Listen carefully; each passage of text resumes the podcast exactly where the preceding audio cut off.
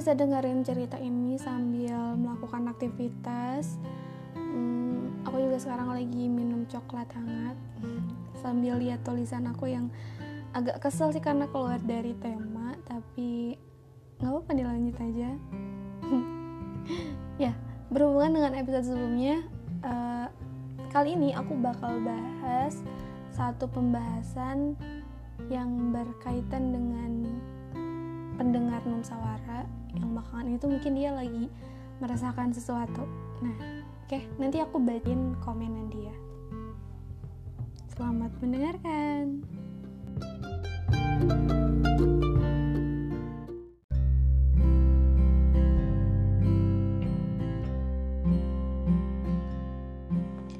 Oke, okay, jadi aku ceritain dulu latar belakang pendengar Nusawara ini. Dia ini salah satu temen baik aku. Itu yang pertama. Yang kedua, dia itu ternyata salah satu pembaca dari naskah aku yang berjudul Singgah di Rumah yang Salah. Entah kenapa, waktu aku bedah buku itu, dia kan sebagai salah satu panitianya ya dia tuh kayak excited banget gitu sama buku itu dan bilang aku mau minjam bukunya karena waktu itu aku juga nggak punya kopiannya tapi ya udahlah aku pinjemin ke dia. Dan dia tuh kayak asik banget sama buku itu relate banget. Dan sampai di foto-foto juga.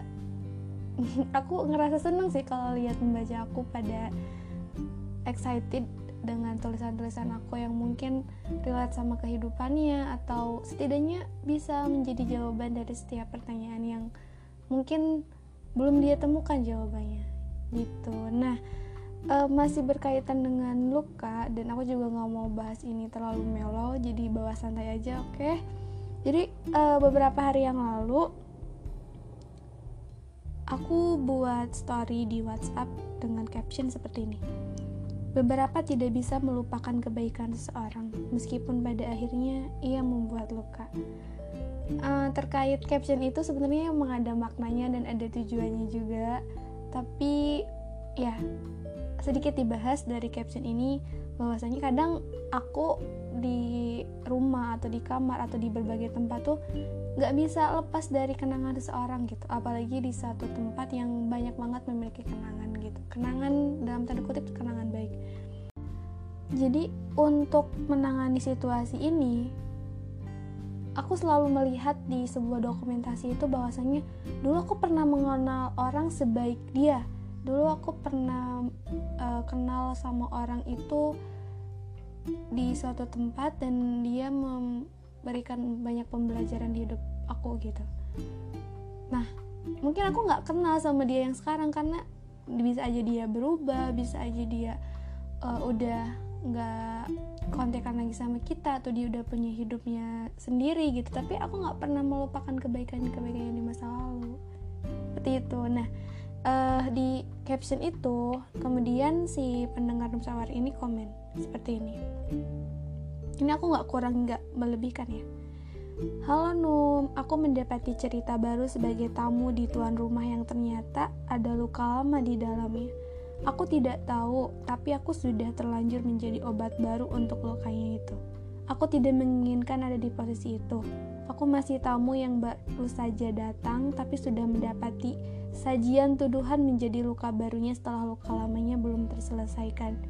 Dia marah padaku karena aku telat jam. Dia merasa aku tak memperdulikannya. Aku dianggap menyakitinya. Jujur pas aku baca komenan dia itu, aku ngerasa pernah ada di posisi itu, pernah ada di posisi orang yang dia ceritakan dan juga pernah ada di posisi dia yang menceritakan gitu. Sampai akhirnya aku balas seperti ini Betul, seseorang yang belum selesai dengan trauma di masa lalunya akan terus mencari obat sampai ia lupa semua orang yang datang padanya terkena lukanya juga. Seharusnya seseorang itu bisa menyembuhkan luka lamanya sebelum ia bisa memulai dengan yang lainnya. Karena sampai kapan pun luka itu sembuhnya sendiri, bukan karena ditemani. ya, aku menjawab seperti itu karena uh, posisinya di sini mungkin aku dulu juga pernah punya cerita yang sama ketika aku punya trauma dan orang baru itu punya trauma terus kita saling berbagi cerita di masa lalu. Akhirnya kita seperti bukan melampiaskan ya seperti meluapkan lah satu sama lain tentang uh, masalah yang pernah kita hadapi bareng-bareng. Tapi ada kemungkinan di antara cerita kita berdua itu ada salah satu yang berharap bahwa kayaknya kamu yang bakal menyembuhkan luka aku deh atau sebaliknya. Jadi saling berharap atau salah satunya berharap bahwa orang itu didatangkan kepada kita untuk menyembuhkan lukanya kayak mungkin sebelumnya saya dikasih ujian sama Tuhan dikasih luka dan sekarang orang itu adalah jawabannya. Itu hanya perkiraan sebenarnya. Kita sebenarnya nggak tahu orang itu bakal benar-benar menyembuhkan luka kita atau bahkan malah memberi luka baru kayak gitu. Dan uh, ya dari kejadian ini sebenarnya nggak ada yang bisa disalahkan sih. Karena uh, apa ya cerita orang di masa lalu tentang traumanya itu emang nggak ada yang nggak ada yang dipengen juga. Nggak ada yang pengen juga orang punya trauma. Nggak ada yang pengen juga orang terluka. Tapi bagaimana cara dia menanggapi seseorang yang baru itu untuk tidak terlalu berharap lanjut ya. Jadi waktu itu aku balas lagi jadi pesannya jangan dekati yang masih tersakiti. Biar ia memiliki ruang sendiri sebelum benar-benar pulih dengan sendirinya juga. Karena nggak ada yang bisa menyembuhkan lukanya selain dirinya. Hmm. oke lanjut. Jadi setelah aku komen seperti itu si teman Num ini membalas lagi Hmm, aku jadi serba salah karena aku dianggap menyembuhkan lukanya secara tidak langsung. Aku dituntut untuk menjaga baik-baik perasaannya, untuk tidak melukai hatinya seperti orang di masa lalunya. Kamu datang nih ke kehidupan seorang yang punya trauma, artinya banyak ketakutan-ketakutan si yang punya trauma itu dan menaruh harapan besar kepada orang yang baru ditemunya untuk tidak melakukan hal yang sama lagi karena ya berat juga nanti sakitnya dua kali gitu. Di situ sih perannya. Lanjut ya jadi aku balas seperti ini. Karena trauma itu membekas wajar kalau dia meminta seperti itu. Karena pada dasarnya tidak ingin dikecewakan yang kedua kalinya. Tapi kalau memang tidak siap lebih baik mundur dari sekarang. Karena kita tidak bisa memenuhi ekspektasi seorang. Nah itu yang jadi permasalahan ketika uh, kita udah tahu dijadi diminta orang itu untuk jadikan obat terus kalau kita ngasih harusnya kita mundur aja kayak sorry nih aku gak bisa janji untuk menyembuhkan luka kamu atau misalnya menjadi orang yang berbeda gitu. Jadi kalau misalkan emang kamu nggak siap sama orang yang menghadapi dengan trauma harusnya kamu nggak menjalin hubungan apa pun gitu. Selain teman cukup teman gitu. Jangan lebih dari itu. Karena nanti akan ada saling ketergantungan harapan di antara keduanya. Dan yang aku alami waktu itu, orang itu, orang baru yang datang ke kehidupan aku, dia malah menjanjikan itu, menjanjikan sesuatu yang sebenarnya dia juga nggak bisa penuhi itu gitu. Jadi kayak dia meyakinkan bahwa oh dia orang baru, dia orang yang berbeda, dia nggak sama kayak orang sebelumnya. Tapi kan faktanya kita kan nggak tahu ujungnya kayak apa. Entah itu satu tahun kemudian atau beberapa tahun kemudian dia bisa melakukan hal yang sama. Kita nggak akan tahu.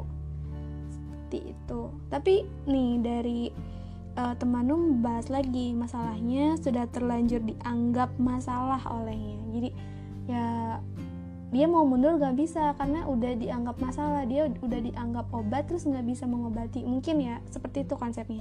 Jadi intinya saya menyuruh apa? Saya menyuruh pergi gitu kayak ya udah kalau kamu udah dianggap masalah sama tuh kamu pergi. Jangan diam. Terus disalahkan. Karena itu nggak enak. Udah mending pergi aja. Terus dia balas lagi kalau aku pergi aku merasa jadi orang yang pernah membuatnya luka baru. Betul. Ini lebih parah dari singgah di rumah yang salah. Ini ku sebut singgah di hati yang patah.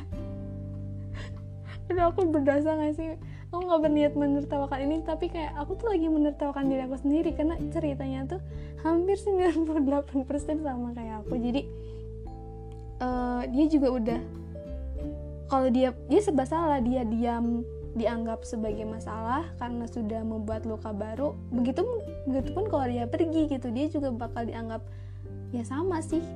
Intinya mau dia diam atau pergi sama-sama membuat luka baru membuat trauma baru lah di orang itu rumit juga ya.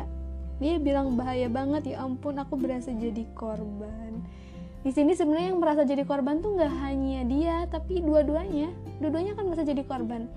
Di saat yang trauma punya harapan lebih dan harapan itu tidak bisa diwujudkan dia juga merasa jadi korban. Dan satu lagi orang yang baru masuk kehidupannya terus dianggap sebagai orang yang buat luka baru dia juga jadi korban. Itulah terus aku balas ini ya endingnya karena terlalu panjang.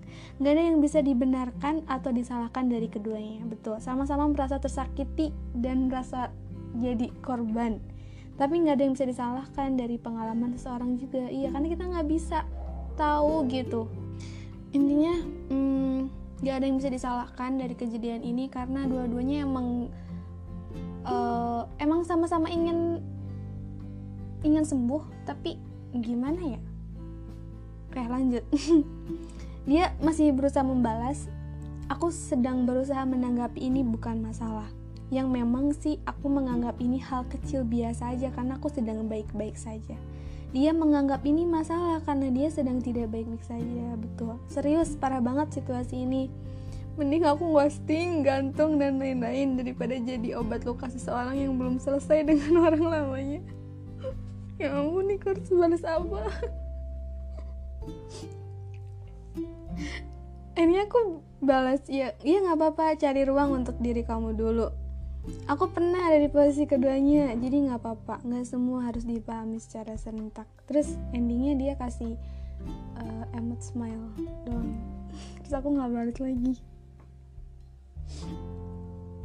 Gimana respon kalian no nggak tahu deh harus balas apa. Aku udah happy happy terus bahas masa lalu. Intinya ini nyambung banget sama episode sebelumnya. Jadi nggak ada yang bisa menyelesaikan masa lalu. Kita tuh bakal rumit banget berhubungan sama orang yang belum selesai sama masa lalunya. Bener. Jadi poinnya intinya kalau kamu mau memulai sesuatu dengan orang baru ya kamu harus selesai dengan diri kamu sendiri